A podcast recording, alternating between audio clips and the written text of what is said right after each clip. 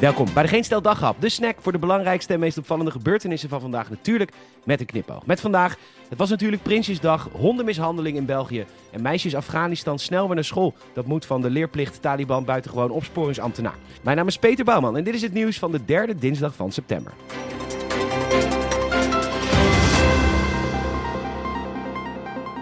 Peter R. de Vries doodgeschoten in deze narco-staat. Er is werkelijk geen huis te krijgen, dus moeten we weer meer huizen gaan bouwen. Maar ja, dat levert weer meer stikstofuitstoot op. En daar moeten we nou weer net mee kappen, omdat het klimaat verandert. Limburg onder water, boerenboos, een corona-check-app die de samenleving verdeelt en de horeca de facto politietaken geeft. Iedereen is boos op elkaar over alles en nog wat. Er wordt maar geen kabinet gevormd. Slachtoffers van belasting en beving wachten nog steeds op hun geld. Waar houdt dit op? Dat Nederland een goed land is en blijft om in te leven. Ah, thanks. Ah, dat had ik echt even nodig.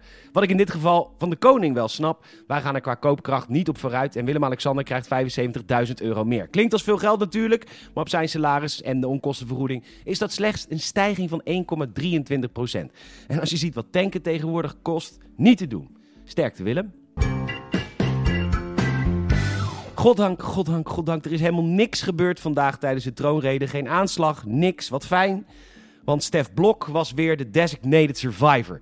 En niks tegen Stef Blok, maar hij is nou eenmaal niet Kiefer Sutherland, die de designated survivor speelde in de serie. Zo heeft Sutherland gespeeld in de hitserie 24 en speelde hij in films als A Few Good Men en The Three Musketeers. En Stef Blok komt uit Emmeloord. Sutherland heeft een relatie gehad met Julia Roberts en Stef Blok was gemeenteraadslid in Nieuwkoop.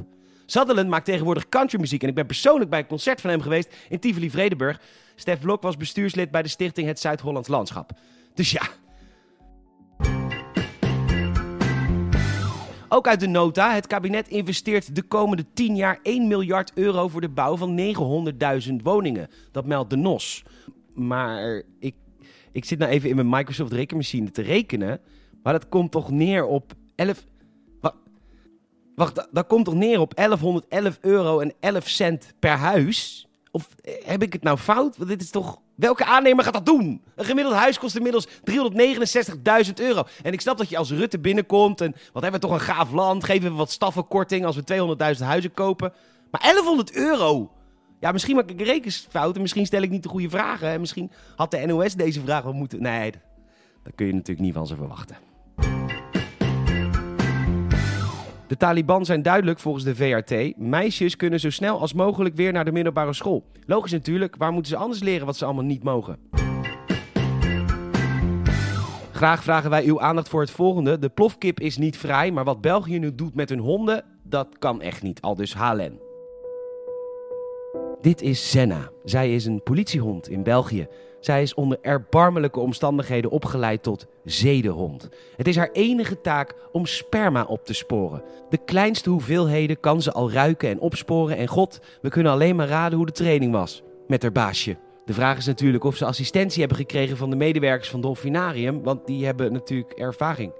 Sta op tegen deze praktijken en laat honden als Zenna mensen sperma vrij.